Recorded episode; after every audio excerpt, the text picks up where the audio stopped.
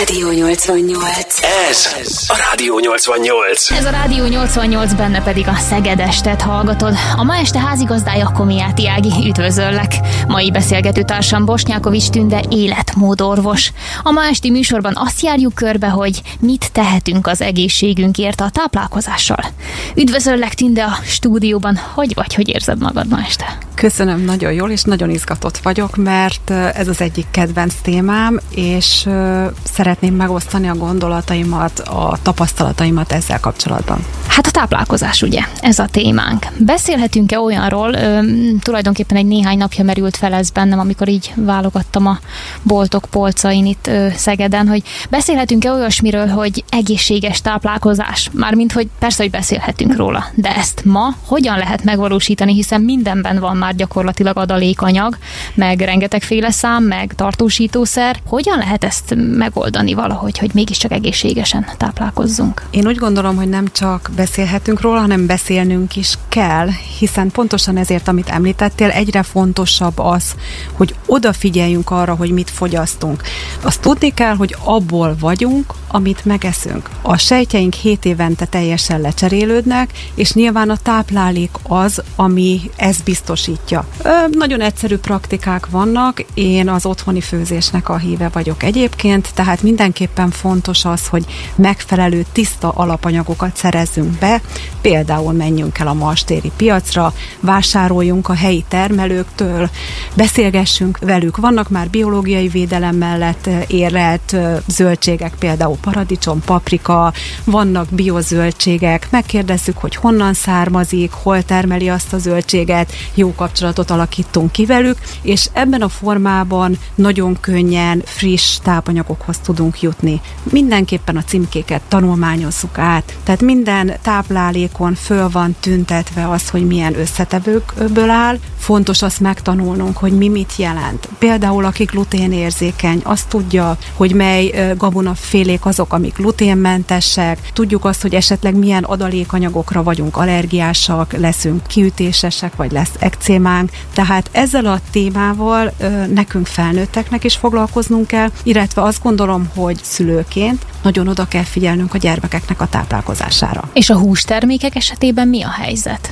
A hústermékek esetében ugyanez a helyzet, tehát vannak olyan hústermékek, amik ugye nyershúsok, itt már minden kereskedőnek föl kell tüntetni annak az adott hústerméknek a származási helyét, tehát egy pár hónapja láthatjuk azt, hogy Magyarországról származik az a marha vagy argentin marha. A többi hústerméknél pedig mindenképpen meg kell azt néznünk, hogy hány százalékban tartalmaz például húst. A legszélesebb, az egyik legszélesebb paletta például a virsli. Itt azért nagyon alacsony... Az necces szokott lenni, igen. igen, nagyon alacsony hústartalmú, fehérje tartalmú virslikkel is találkozhatunk, meg olyannal is, ami kifejezetten jó minőségű. Mindig olvassuk el a címkét, beszélgessünk az eladókkal, próbáljunk meg kapcsolatot építeni és tájékozódni. Érdemesebb, hogyha már a húsról beszélünk, érdemesebb helyi tenyésztőktől, akár hentesektől vásárolni, mint mondjuk szállítatni akár honnan? Mindig azt mondják, hogy a helyi termelőktől kell vásárolni, már csak azért is, mert a szállítás alatt egyrészt romolhat annak az árunak a, a minősége, másrészt információkat is sokkal jobban tudunk szerezni.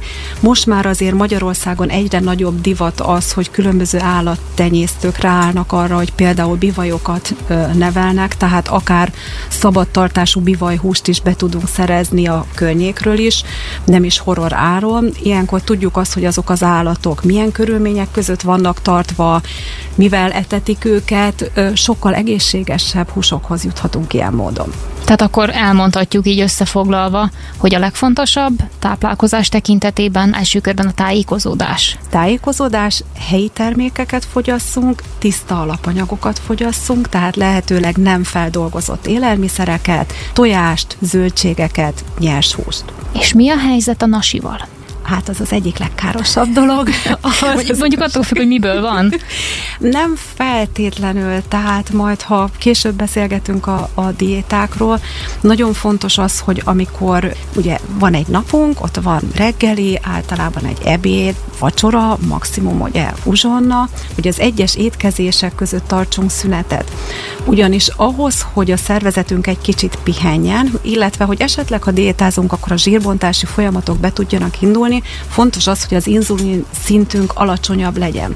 És ezekkel a nassalásokkal, ezzel az egy-két falattal visszazökkentjük a szervezetünket, megint megugrik az inzulin szintje, nem tud pihenni, és nem tudnak elindulni a, a zsírfogyasztási folyamatok. A másik az, hogy tudatosítani kell azt, hogy eszünk. Tehát én mindig szeretek megteríteni, szalvétát rakni, gyertyát gyújtani, tehát éljük meg azt az étkezést, élvezzük. A nassolás az olyan, hogy tulajdonképpen észre se vettem, én nem is ettem semmit. Tehát az étkezés az legyen egy, egy szertartás, legyen egy élmény is, és lehetőleg kerüljük el a nassolást. Hát akkor ezekkel a jó tanácsokkal jöttünk most, és nem sokára vissza is térünk a zene után, ugyanis folytatjuk Bosnyákovics Tündével életmódorvossal ezt a diskurzust.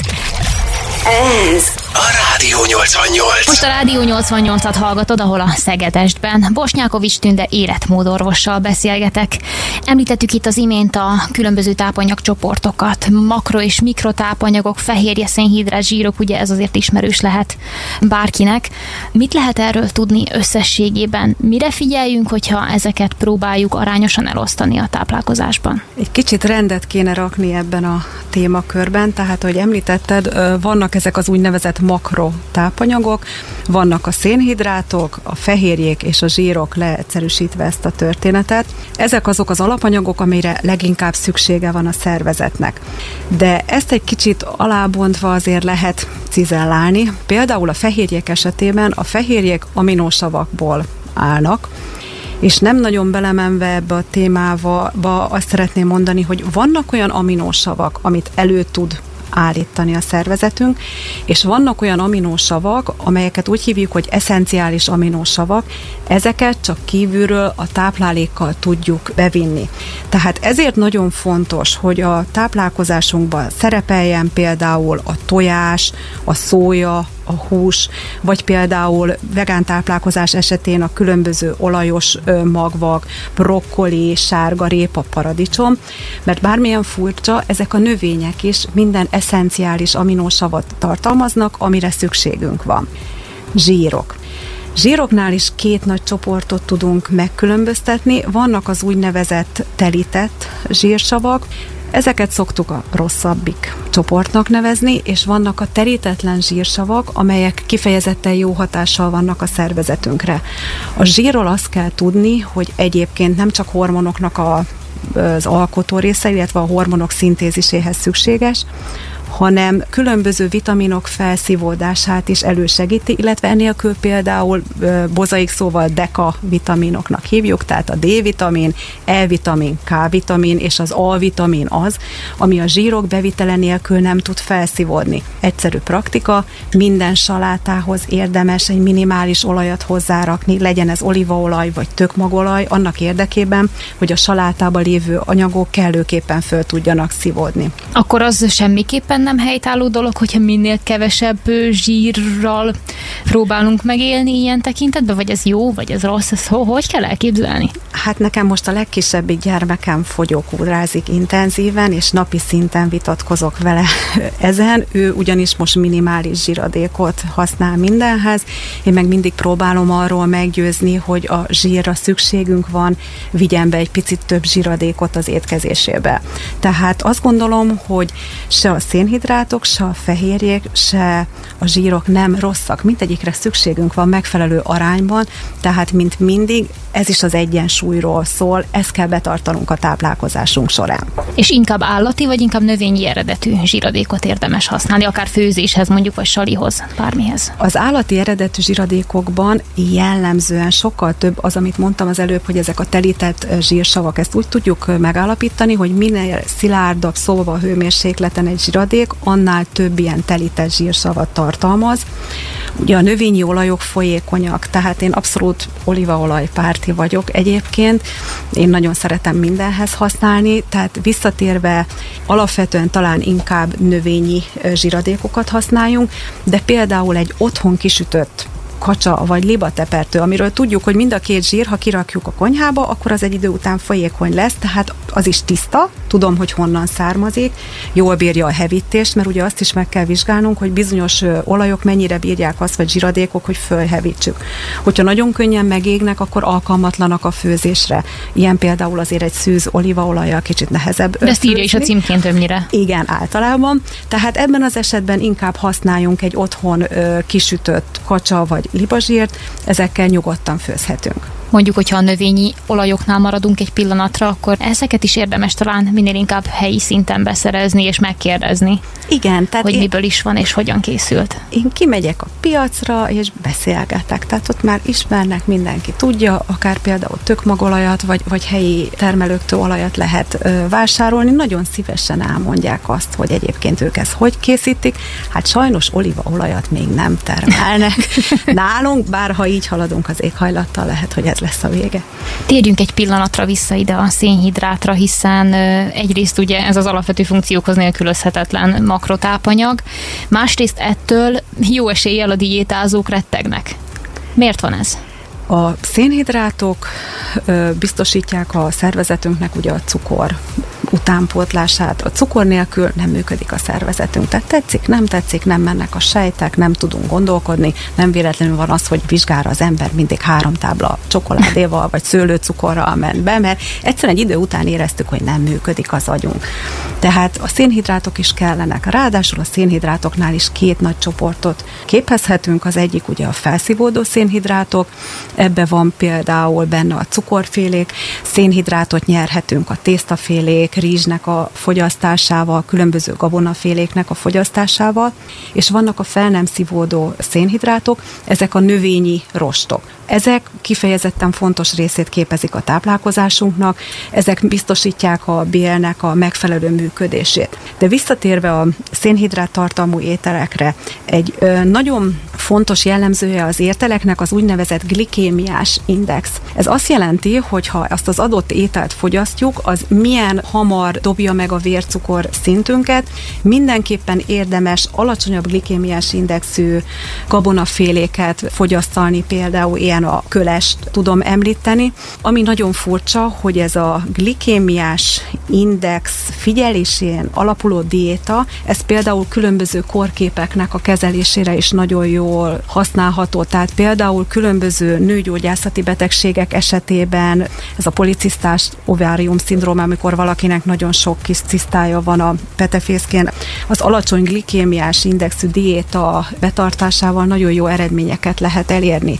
Tehát tehát nem csak azért fontosak ezek az étkezési szabályok, hogy egészségesek maradjunk, hanem azért már kialakult betegségek esetében is megfelelően tudjuk ezeket alkalmazni. Tehát akkor elmondhatjuk, hogy se a szénhidráttól, se a zsírtól, se a fehérjétől igazából nem kell félni, hanem megfelelően kellene ezeket beosztani. Mindenből jusson a tányérra egy kicsi az étkezések alkalmával. Minden étkezés alkalmával egyébként érdemes erre figyelni, vagy vannak kiemeltebbek? A nap folyamán reggelire érdemesebb nagyobb fehérje tartalmú ételeket fogyasztani, gondolok itt például tojásra, én rendszeresen minden reggel tojást fogyasztok, alapvetően ugye az anyagcserénket is ezzel megdobjuk egy kicsit, a déli órák, azok a déli étkezés az, amikor a szénhidrátot is be kell vinni a szervezetünkbe, de ugye a saláták is szénhidrátot tartalmaznak, vagy például a kukorica is szénhidrátot tartalmaz, tehát nem feltétlenül a tésztafélékre kell itt koncentrálni, tehát a déli étkezésnél vigyük be a szénhidrátokat és a fehérjét, és az esti étkezés ugye az alapvetően kevesebb legyen, és akkor megint fehérjét fogyasszunk. A következőkben pedig pontosan erről lesz szó. Előszedjük egy picit a divat diétákat is itt a Szegedesben, a Rádió 88-on. Bosnyákovics Tündével életmódorvossal folytatjuk a diskurzust ezzel kapcsolatban. Ez a Rádió 88. Szegedest a Rádió 88-on ezt hallgatod most. Vendégünk Bosnyákovics Tünde életmódorvos, és eddig arról volt szó, hogy mi kerüljön a tányérunkra, fehérje, szénhidrát, zsír. Na most ezek azért elkerülhetetlenek, és az ehhez kapcsolódó tudás is elkerülhetetlen ahhoz, hogy egy bizonyos diétát, akármilyen diétát tartsunk, főleg, hogyha mondjuk fogyni akarunk. Vannak manapság ezek a divat diéták.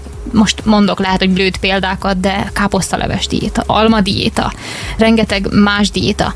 Ezekről a szakemberek általában nem vélekednek túl pozitívan. Miért? Amikor az ember elkezd diétázni, akkor nem diétázik, hanem igazából életmódot vált. Tehát, Legalábbis így kellene, hogy legyen. Igen, tehát ebbe beletartozik az, hogy elkezdek másképp étkezni, elkezdek másképp élni, elkezdek másképp gondolkodni, sportolok, mozgok. Ha elkezdünk egy ilyen egyoldalú diétát, legyen ez káposztaleves diéta, valamilyen fehérjepor, zacskós leves, ennek számtalan formája van.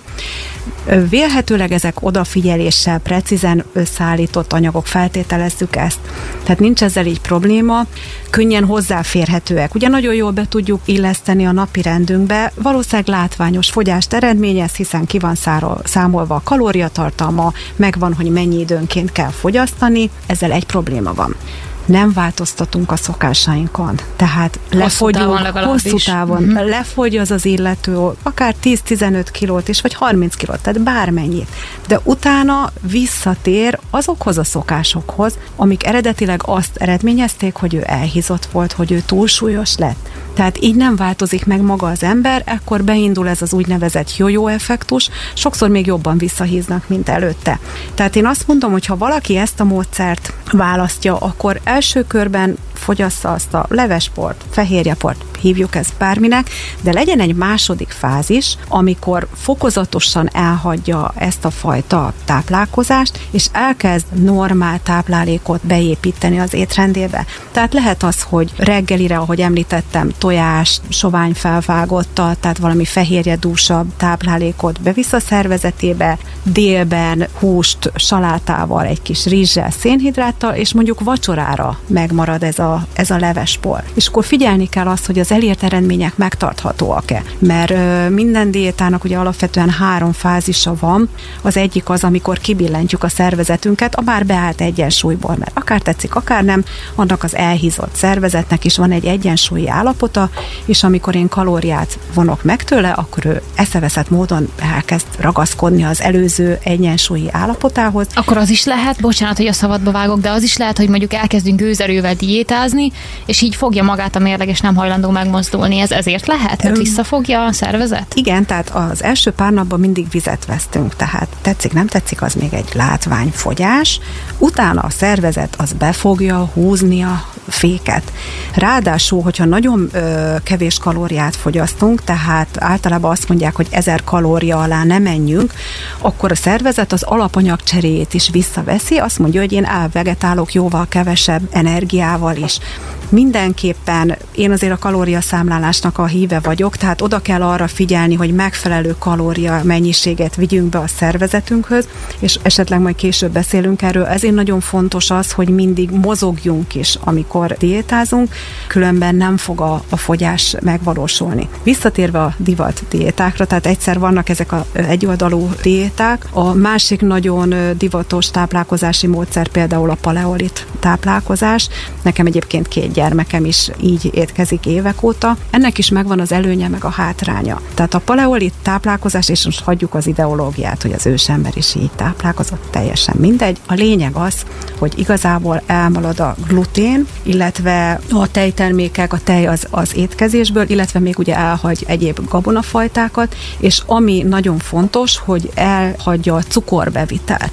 Tehát Mármint a, a feldolgozott cukorbevitelt. A feldolgozott, illetve a sima, tehát például mézet nem eszik a paleolit táplálkozást mm. folytató, tehát az ilyen sima cukor, kristálycukrot nem rak az ételekbe, tehát a cukorbevitel az ki van zárva, Ennek megvannak az előnyös hatásai, tehát a glutén mellőzésének nagyon sok most a gluténérzékeny, nagyon sok a laktózérzékeny, tehát első periódusban valóban látványos eredményeket lehet ezzel elérni.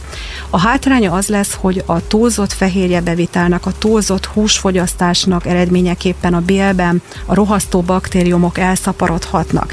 Ott elindulhatnak olyan gyulladás, akár gyulladásos folyamatok, amik hosszú távon károsak. Nyilván ezt is lehet azzal egyensúlyozni, hogy akár a paleolit táplálkozás keretében az ember megfelelő mennyiségű zöldséget, gyümölcsöt fogyaszt, és a húsfogyasztást egy kicsit visszaveszi. Szegeden is egyre több, legalábbis akár, hogy az én ismerési körömet nézem, Szegeden is egyre több a, gluténérzékeny, sőt a laktózérzékenyekről már nem is beszélek.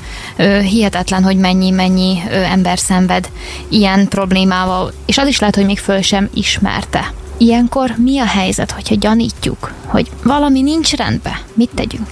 Alapvetően azt gondolom, hogy mindig el kell kezdeni gondolkodni. Tehát akár kérjük szakembernek a segítségét, keressük meg a szegedi házi orvost, házi gyerekorvost, hogyha étkezések után rossz közérzet, haspuffadás jelentkezik, vagy esetleg egyébként a táplálék allergiák nem csak bérrendszeri tünetekbe tudnak megnyilvánulni, hanem akár légzőszervi tünetekbe, bőrtünetekbe. Tehát mindenképpen el kell kezdeni gondolkodni. Amit én a gluténérzékenységről gondolok, az az, hogy nem feltétlenül mindig csak a gluténnel van probléma, hanem a glutént azt általában feldolgozott élelmiszerek formájába visszük be a szervezetünkbe. Olyan péksütemények, kekszek, tésztafélék, amiben nem a, a tiszta búzaliszt van benne, hanem különböző adalékanyagok.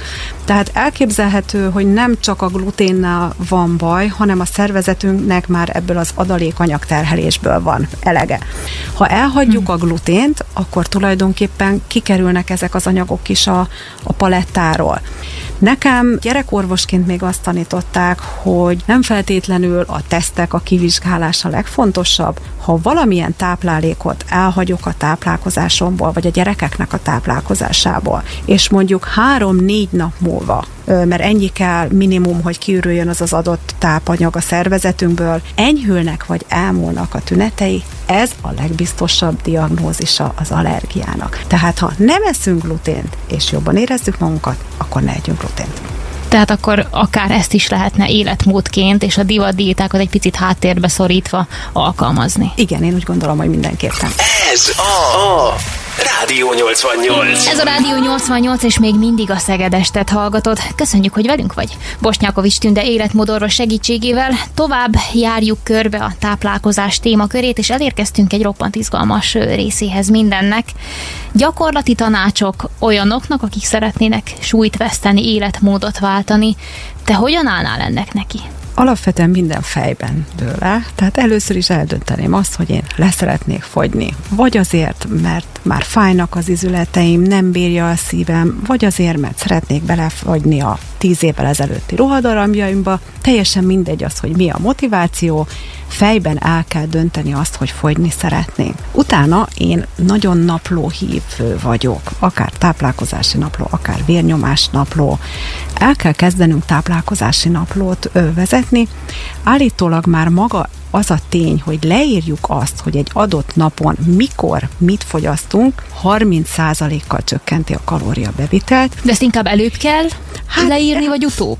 Ö, gyakorlatilag akkor, amikor, amikor fogyasztjuk. Tehát, a, Tehát akkor nem megtervezni kell, hanem miközben eszünk, felpingáljuk. Ö, az első lépés az lenne, hogy nézzük meg, hogy most mi a helyzet. Szembesítsük magunkat azzal, hogy hát én reggel megiszom. Igaz, hogy csak azt a kávét, azzal a másfél deci tejjel, azzal a kis csokoládéval. Tulajdonképpen nem is reggelizek, vagy mégis háromszor.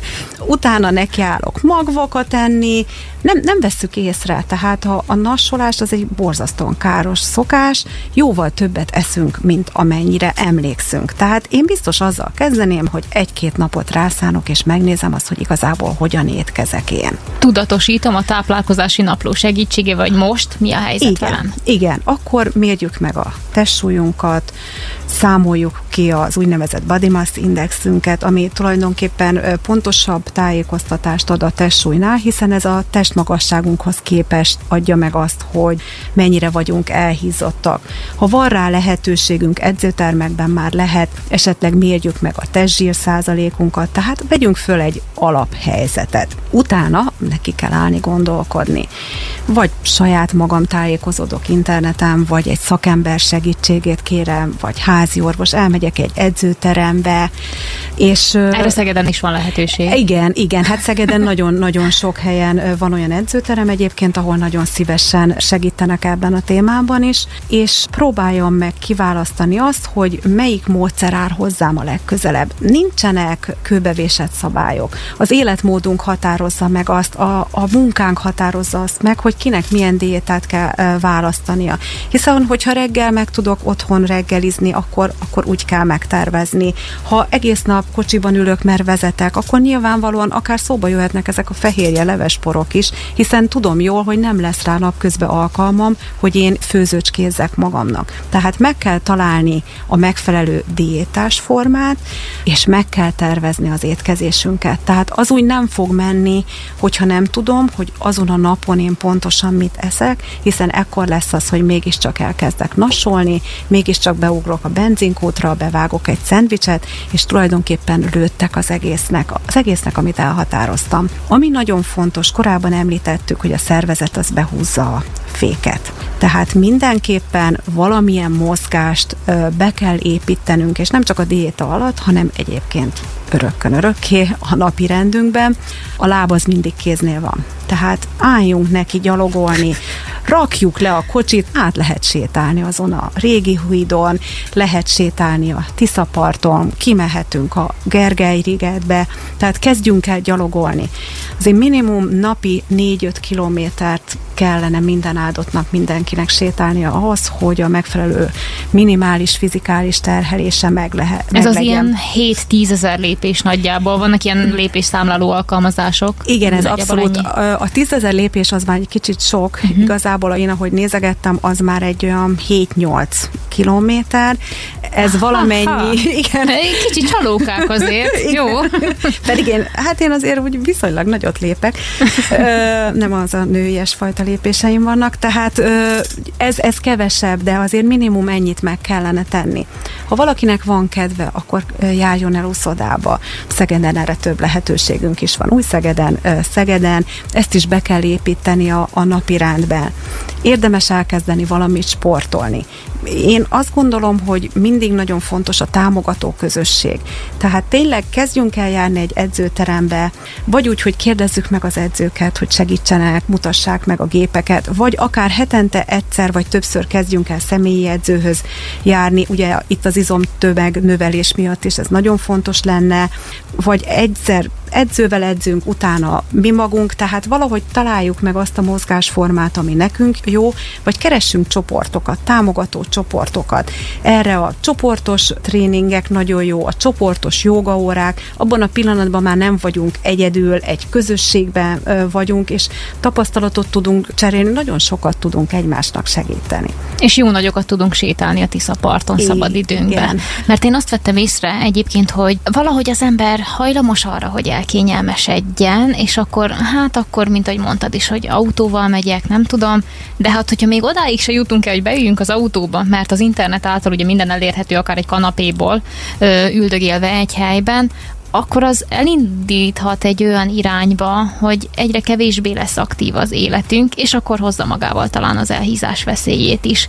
Érdemes tehát úgy felépíteni a napot, hogy valahogy beleépítsük akár egy könnyed sétát, a biciklizést, vagy az úszást, vagy bármi mást. Igen, ahogy említettem az elején, a tervezés nagyon fontos, tehát nem csak diétázunk, életmódot váltunk, és új szokásokat veszünk föl. Meg lehet ezt szokni a nagyon punyattaknak? Most itt elsősorban magamra gondolok ebben a pillanatban, hogy ezt, ezt hogyan lehet átállítani a fejben? Én azt gondolom, hogy pontosan fejben dől el, és én, én hiszek abban, hogy mindig minden ember meg tud változni, és minden ember tud fejlődni. Tehát amíg élünk, addig van rá lehetőségünk, hogy változtassunk föl kell állni abból a székből, és el kell kezdeni mozogni.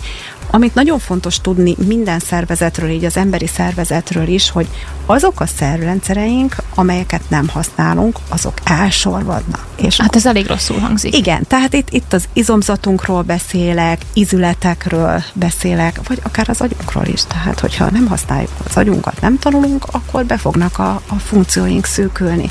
Tehát a szervezet így gondolkodik, nincs rá szükség. Nem használom, nem kell. Tehát Jó Istenem! kezdjünk el mozogni, kezdjünk el sétálni. Most én annyira megijedtem, hogy én már gyalog megyek mindenhova ezután. Nagyon helyes. Úgyhogy nehogy, nehogy itt sorvadásnak induljak idő előtt. Jó, ezt biztos, hogy folytatni fogjuk a következőkben. Egy picit most elvonulunk, viszont a zene után folytatjuk Bosnyákovics Tünde életmódorvossal a diskurzust, mégpedig ki fogunk térni arra, amire már korábban is egy néhány mondat erejéig allergizáló gyulladást elősegítő anyagok. Erről fogunk a következőkben szépen beszélgetni. Ez a, a Rádió 88. Tegedest mai műsorában Bosnyákovics Tünde életmódorvossal beszélgetek. Itt az imént elhangzott, hogy a gyulladást elősegítő anyagok azért igen-igen megtalálhatóak mondjuk egy hagyományosnak mondható táplálkozásba, ugyanúgy, hogy az allergizáló anyagok is. Merre érdemes elindulnunk, akár mi magunknak, akár Szegeden, ahhoz, hogy kiderüljön, hogyha valamiféle érzékenységünk van? Alapvetően a leggyakoribb allergizáló tápanyagok Magyarországon, ez azért mondom, mert nyilvánvalóan minden nemzetnek, minden tájéknak megvan a maga genetikai hagyománya, az a laktóz, tehát az a tejben található tejcukor. Tudni kell, hogy a tejcukor érzékenységnek két típusa van. Van a gyerekkori, ami általában jóval durvább, tehát ez azt jelenti, hogy ekkor a laktóz bontó enzim teljes mértékben hiányzik. A laktózintoleranciának a tünetei egyébként legtöbbször hasmenéses formában, akut rosszulétek formájában nyilvánul meg. Kiütések is lehetnek, tudomásom Kiütések, szerint. tehát lehetnek bőrtünetek, lehetnek enterális tünetek, ugye vérrendszert illető tünetek, illetve lehetnek légúti tünetek uh-huh. is. Ezen kívül van egy felnőtt típusú formája, nekem például ilyen van, ami tinédzser korba, fiatal felnőtt korban alakul ki. Ebben az esetben egy minimális enzim szintje van az embernek. Ha ezt a szintet túllépi, hogyha ezt a limitet túllépi az ember, akkor jelentkezik a rosszulét. A második leggyakoribbnak most már a glutén érzékenységet tudnám említeni. Ezen kívül gyerekkorban még nagyon gyakori a tojás érzékenység. Ezt tehát, ki lehet nőni? Igen, tehát tudni kell azt, hogy alapvetően a, az allergiák, azok mindig függnek azt, hogy mennyire manifestálódnak, mennyire jelennek meg, mennyire okoznak panaszt annak az adott szervezetnek az állapotától. Például egy stressz szituációban ö, jóval gyakoribb lehet annak az allergiának a megjelenése. Nagy hormonális ingadozások kiválthatnak például ekcémás tüneteket, tehát nagy hormonális ingadozások, plusz mellé az allergén jelenléte, és megjelennek a tünetek. Nagyon fontos azt tudni, hogy azért most már nagyon jelentős a pollen terhelés a levegőben, és az, hogy az adott pollenre mi milyen reakciót adunk, az függ attól, hogy mit teszünk. Tehát ezt úgy hívják, hogy keresztallergia. Bizonyos ételek, például a banán, kelbimbó, brokkoli, egyes polleneknek a hatását például nem sokára parlagfű szezonban felörősíthetik, és ekkor jóval durvább tüneteink jelentkeznek, például akár aszmás rosszulétekig elmehetnek a légúti tünetek, tehát erre is oda kell figyelni. Allergiák jelentkezhetnek a különböző adalékanyagokra, tehát hogy hova fordulhatunk. Amennyiben akár a gyerekeknél gyakori, akár egy, egy laringitiszes, tehát befullados, aszmás rosszulét, ekcémásak, hasi puffadás, diszkomfortérzés, hasmenés jelentkezik, akkor mindenképpen ugye a házi orvoson keresztül vezet az út, házi orvossal konzultálni kell, és ő tudja akkor azt az adott felnőttet, vagy a adott gyermeket a megfelelő helyre irányítani. Itt azért Szegeden is vannak olyan jellegű, tehát nem kell akár Budapestig utazni ahhoz, hogy kiderüljenek ilyen jellegű problémák? Hát természetesen mi nagyon jó dolgunk van, itt van a Szegedi Tudományegyetem, tehát itt helyben tudnak nekünk segíteni, és meg tudják oldani azt az adott problémát, de ahogy hangsúlyoztam, egyrészt ez lehet időszakos, tehát az adott szervezet pillanatnyi állapotát tükröző, másrészt, ami nagyon fontos, én így jártam a nagyfiammal, hogy neki például az ekcémás tünetei a szája körül jelentkeztek, és abban a pillanatban góckutatást kellett nála végezni, tehát el kellett menni fülorgégészhez, fogorvoshoz, és kiderült az, hogy egy gócos mandula át a tünetei hátterében. Tehát az is lehet, hogy ezeket az allergiásnak tűnő tüneteket igazából egy gyulladás tartja fönn, de ezt a szakemberek tudni fogják, ők meg fogják mondani, hogy merre kell elindulnunk.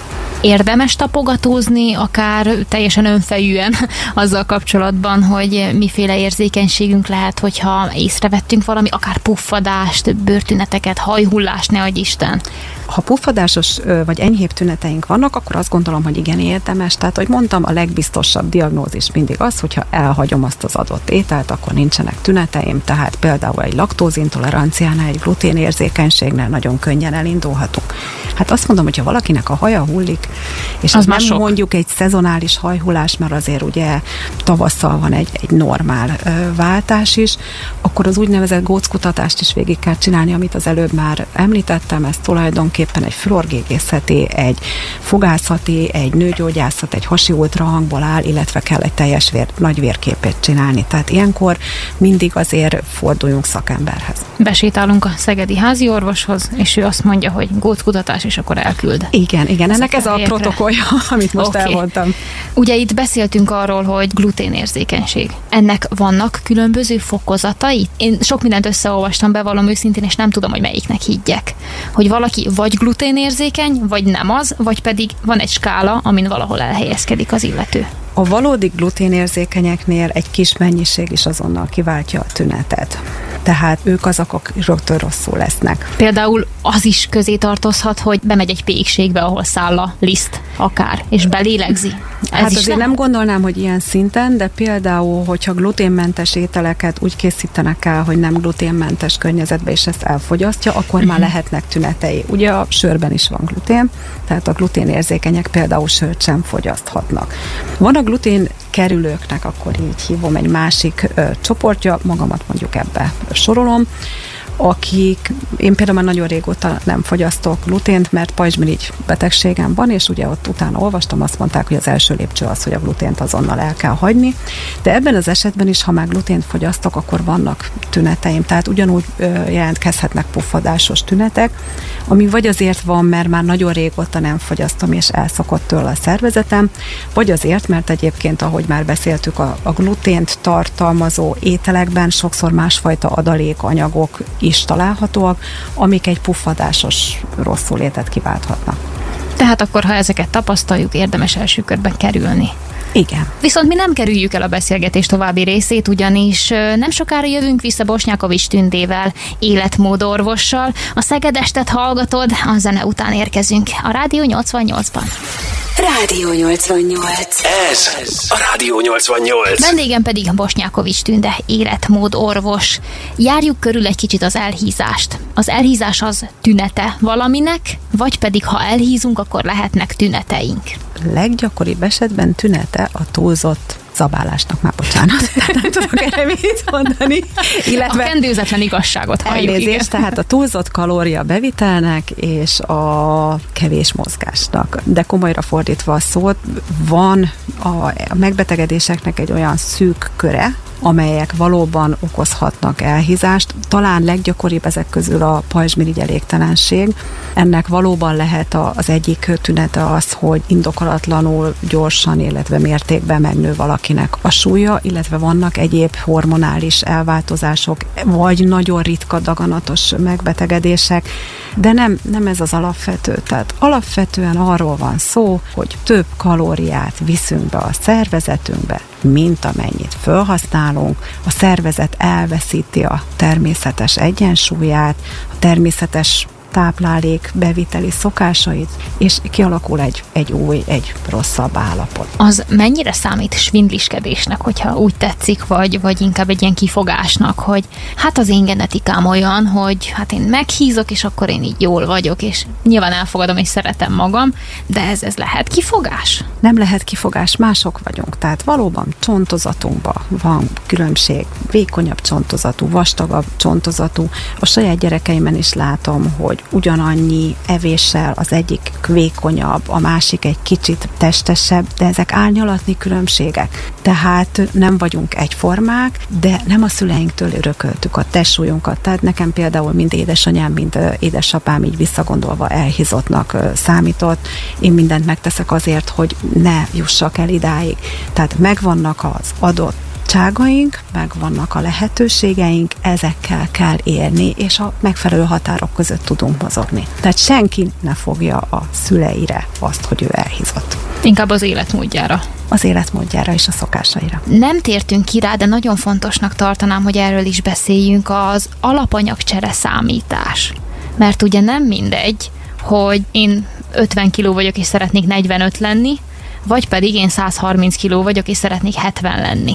Az alapanyagcsere szint meghatározásánál, illetve nem is annyira az alapanyagcsere szintet kell meghatároznunk, hanem azt, hogy mondjuk a fogyókúra során mennyi kalóriát kell bevinnünk ahhoz, hogy fogyni tudjunk. Ezt tudni kell, hogy többféle dolog befolyásolja.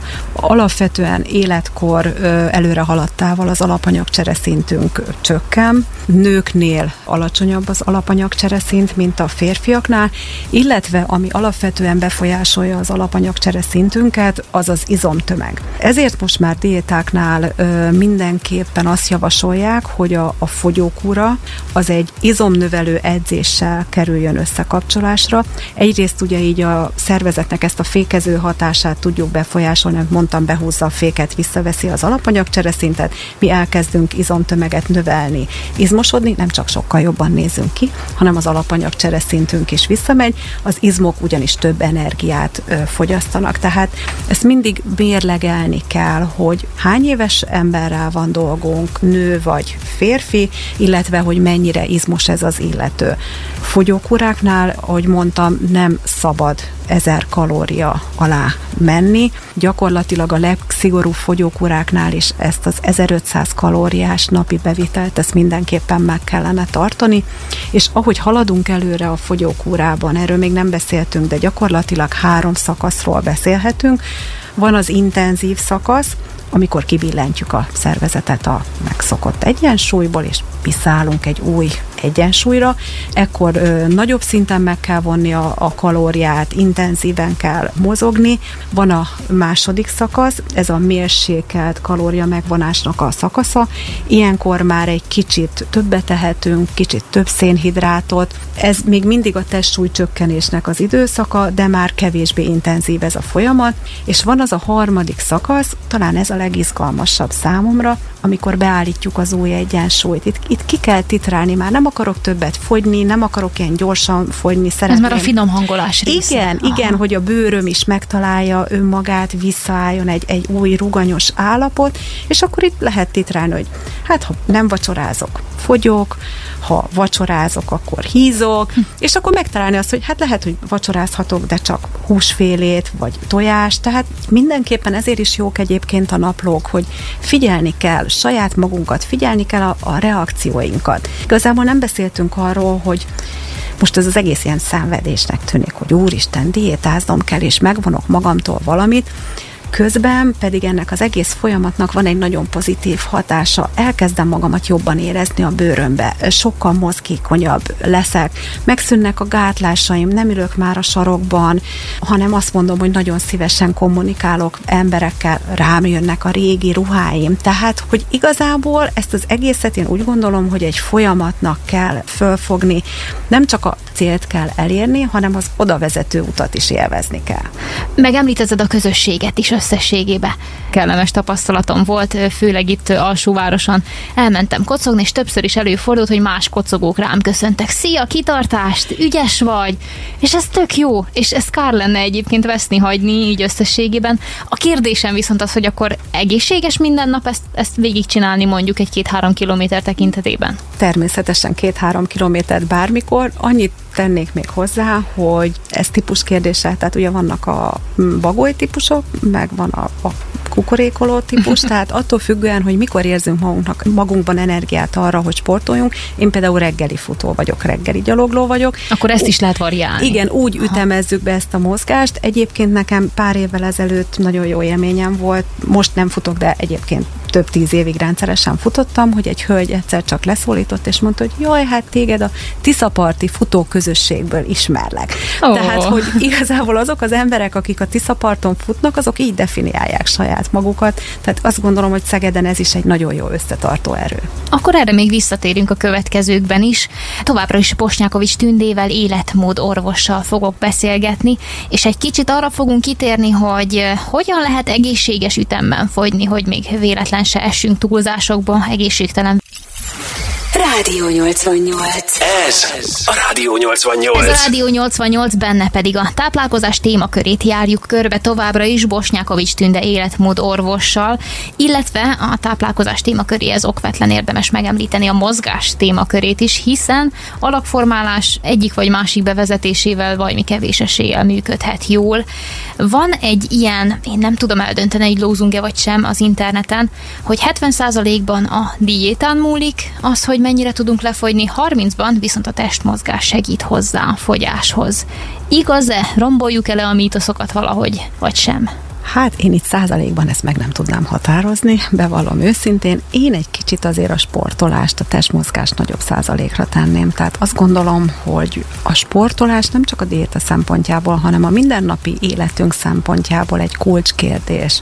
És itt nem a nagy erős fizikai megterhelésre gondolok, hanem a rendszeresen végzett testmozgásra, rendszeresen végzett gyakorlatokra is.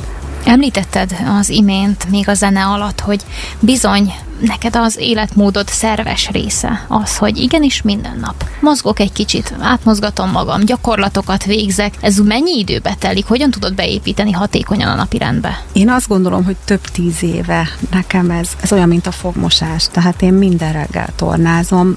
Ha már nagyon rohanok, akkor 5 percet, de egyébként ez egy olyan negyed óra, 20 perc. Ez az egész gyakorlatsor áll hasizomerősítőkből, plank gyakorlatokból, sima plank, oldalplank, ugye ez nagyon fontos, ugye alkartámasz magyarul.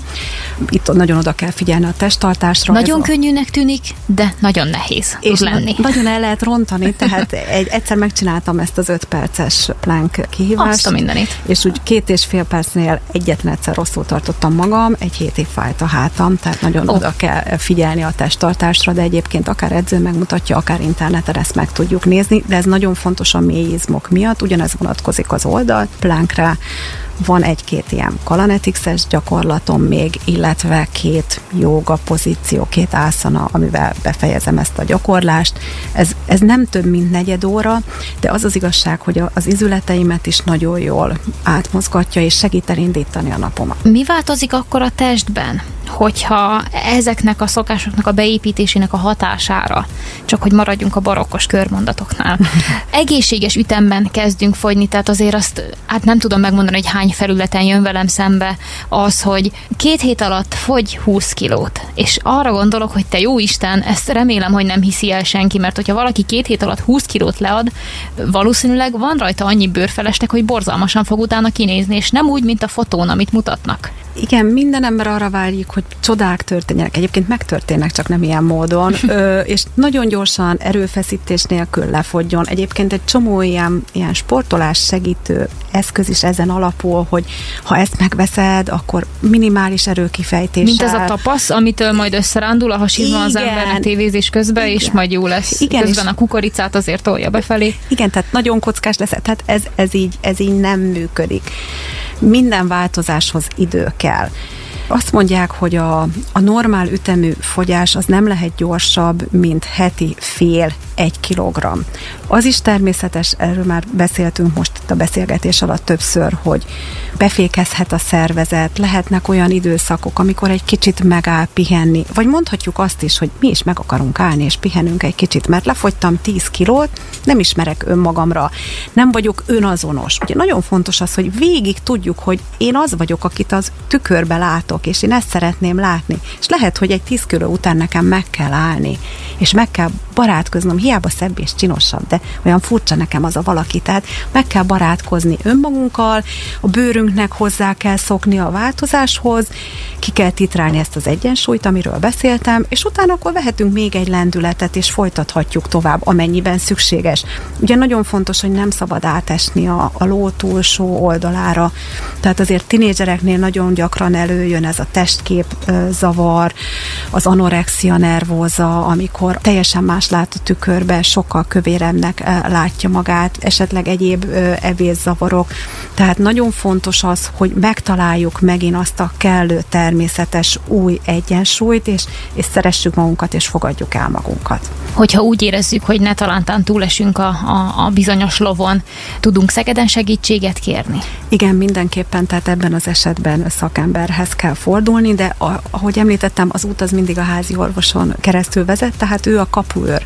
Őt kell megkeresni, és ő, ő segíteni fog nekünk. Ahogy hangsúlyoztam, vagy hangsúlyozni szeretném, hogy nagyon figyeljünk oda a tinédzserkorú gyermekeinkre, ők azért, azért sokkal könnyedebben áteshetnek a ló túlsó oldalára. Különösen itt az internet világában, ott azért nagyon sok tökéletes emberkét láthatunk. Igen, nagyon-nagyon-nagyon káros. Én, én szeretem nézegetni azokat a fotókat, ez a, ez a valóság, és ezt mutatja az internet. Tehát akik az internet világában élnek, azok, azok nem látják a való emberi testeket, a, a valóságos arcokat. Nagyon könnyen egy rossz kép alakulhat ki, egy idealizált, valótlan kép. És ha már szóba jöttek a tinédzserek, meg úgy egyáltalán a gyerekkor, nem nekem még nincsen gyermekem.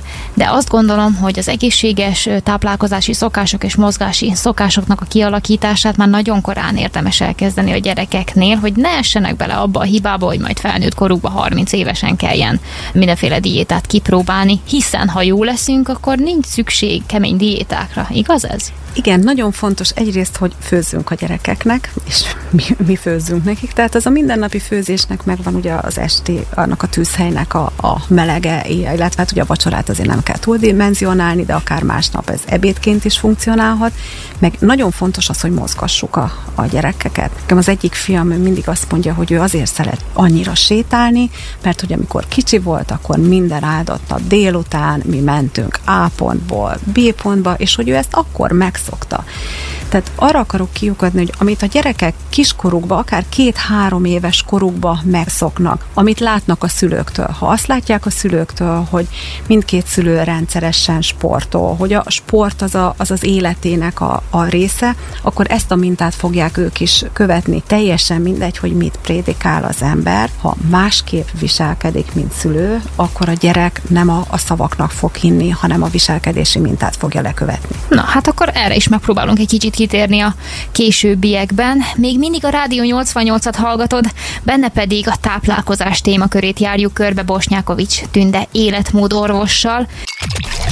Ez a Rádió 88. Hogy még mindig a Rádió 88-at hallgatod, benne pedig a Szegedest szól.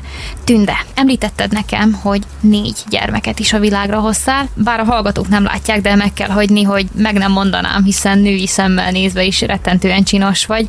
A terhességek alatt hogyan tudtad tartani magad az egészséges étkezéshez, és mit kezdtél a kívánósággal, ha van ilyen? Először is köszönöm a bókot. Hát nagyon odafigyeltem, az az igazság, tehát szisztematikusan mértem a testsúlyomat, meghatároztam saját magamnak, hogy maximum 10 kilót hiszhatok, ugye ez havi 1 kilogramm. De ez is a tudatosságnak a száz százaléka. Tehát, hogy uh-huh. hát az utolsó terhességemnél bevallom őszintén, ezt az adott hónapban az első héten mindig meghíztam, utána tartottam a súlyomat, és még mielőtt valakibe fölmerülne, a megszült gyermekeknek a testsúlya az 2 kg 92 deka, és 3 kg 86 deka között ingadozott. Tehát, hát hogy, az, azért az nagy babák, igen, tehát hogy nem picikék. Nem, nem, abszolút nem voltak kis testsúlyok, és attól függetlenül, hogy én mindegyik terhességem, várandóságom alatt pontosan 10 kilót híztam, egyébként ez rögtön le is megy az emberről, ettől függetlenül az ő testsúlyuk ezt nem követte. Tehát a, a baba az annyit veszel magának, amennyit akar, és ugye, hogy mit kell enni. Tehát tudni kell, hogy valóban a baba az kicsit úgy viselkedik, mint egy élősködő, ezt nem tudom szebben mondani, amire neki szüksége van, azt elveszi az anyai szervezetből. Tehát mindenképpen a terhesség alatt nagyon oda kell figyelni a minőségi táplálkozásra, tojást, húsfélét, ha szeretjük, nem vagyunk érzékenyek, tejféléket, zöldséget, gyümölcsöket kell fogyasztani. Akkor ne dőljünk be ennek a én kívánom a csokit savanyú borkával, és már pedig csak is ezt teszem? Én, én nem kívántam ilyeneket, bevallom őszintén. Ami jellemző volt, hogy a gyomorsavam nagyon magasan volt, főleg ugye a terhességnek az első egyharmada az, ami ilyen szempontból érzékeny. Ekkor úgy közlekedtem, hogy keksz volt a, a zsebemben, és amikor szükségem volt rá, akkor mindig bekaptam egy pár kekszet. Ezt is ki lehet küszöbölni. Kisebb praktika volt az, hogy én nem vásároltam magamnak sok ruhát a terhesség alatt, mert mindig azt mondtam, hogy teljesen mindegy, föl fogom venni a régi ruháimat. Tehát minimális terhes ruhám volt, ezeket hordtam állandóan, aztán a végén már ugye elhasználtam, nem kellettek. Tehát fejben is végig kell ezt gondolni. A gyereknek sem érdeke az, hogy az anya elhízzon. Tehát, hogy ez egy dolog, ez nem, nem esztétikai kérdés, minél többet hízik a kismama, annál nagyobb a terhességi cukorbetegség kialakulásának a veszélye. Ez a babára kifejezetten káros, nem csak ö, nagy súlyú magzat születik, hanem egyéb káros hatásai is vannak. Minél nagyobb a testsúly gyarapodása, annál inkább gátoltá válik a kismamának a keringése. Tehát jóval nagyobb lesz a víz visszatartás, akadályoztatva lesz a, a nyirokkeringés, tehát dagadni fog a lába, egyre rosszabbul érzi magát a bőrébe, tehát a kismamák egészsége szempontjából is az lenne a fontos, hogy ezt az optimálisnak mondott 9-10 kiló súlygyarapodást szerezze meg. A lényeg az, hogy nem kell kettő helyet tenni, hanem minőségű táplálékot kell fogyasztani, illetve amit én még mindig, amit mindig megtettem, én, én mozogtam a terhességek alatt. Régebben az első terhességem alatt én heti 6x6 kilométert futottam, terhesség alatt én bevallom őszintén abba hagytam a a, futást, de aki, aki rendszeresen ennyit mozog, meg fut, annak megvonásos tünetei jelentkeznek a terhesség alatt. Szerintem endorfin megvonásom volt. Erre is van megoldás, neki kell állni, gyalogolni. Akár, ahogy beszéltük, a Tiszaparton, a város utcáin, vagy bemenni, ha tél van egy edzőterembe, és akkor ott futópadon ö, lehet gyalogolni.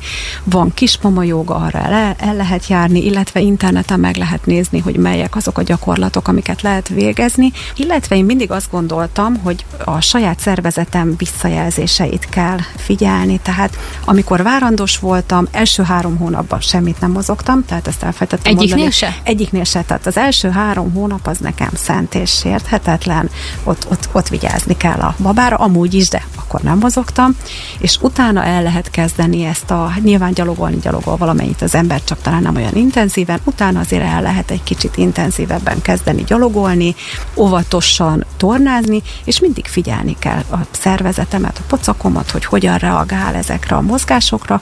Ha minden rendben van, akkor lehet tovább csinálni.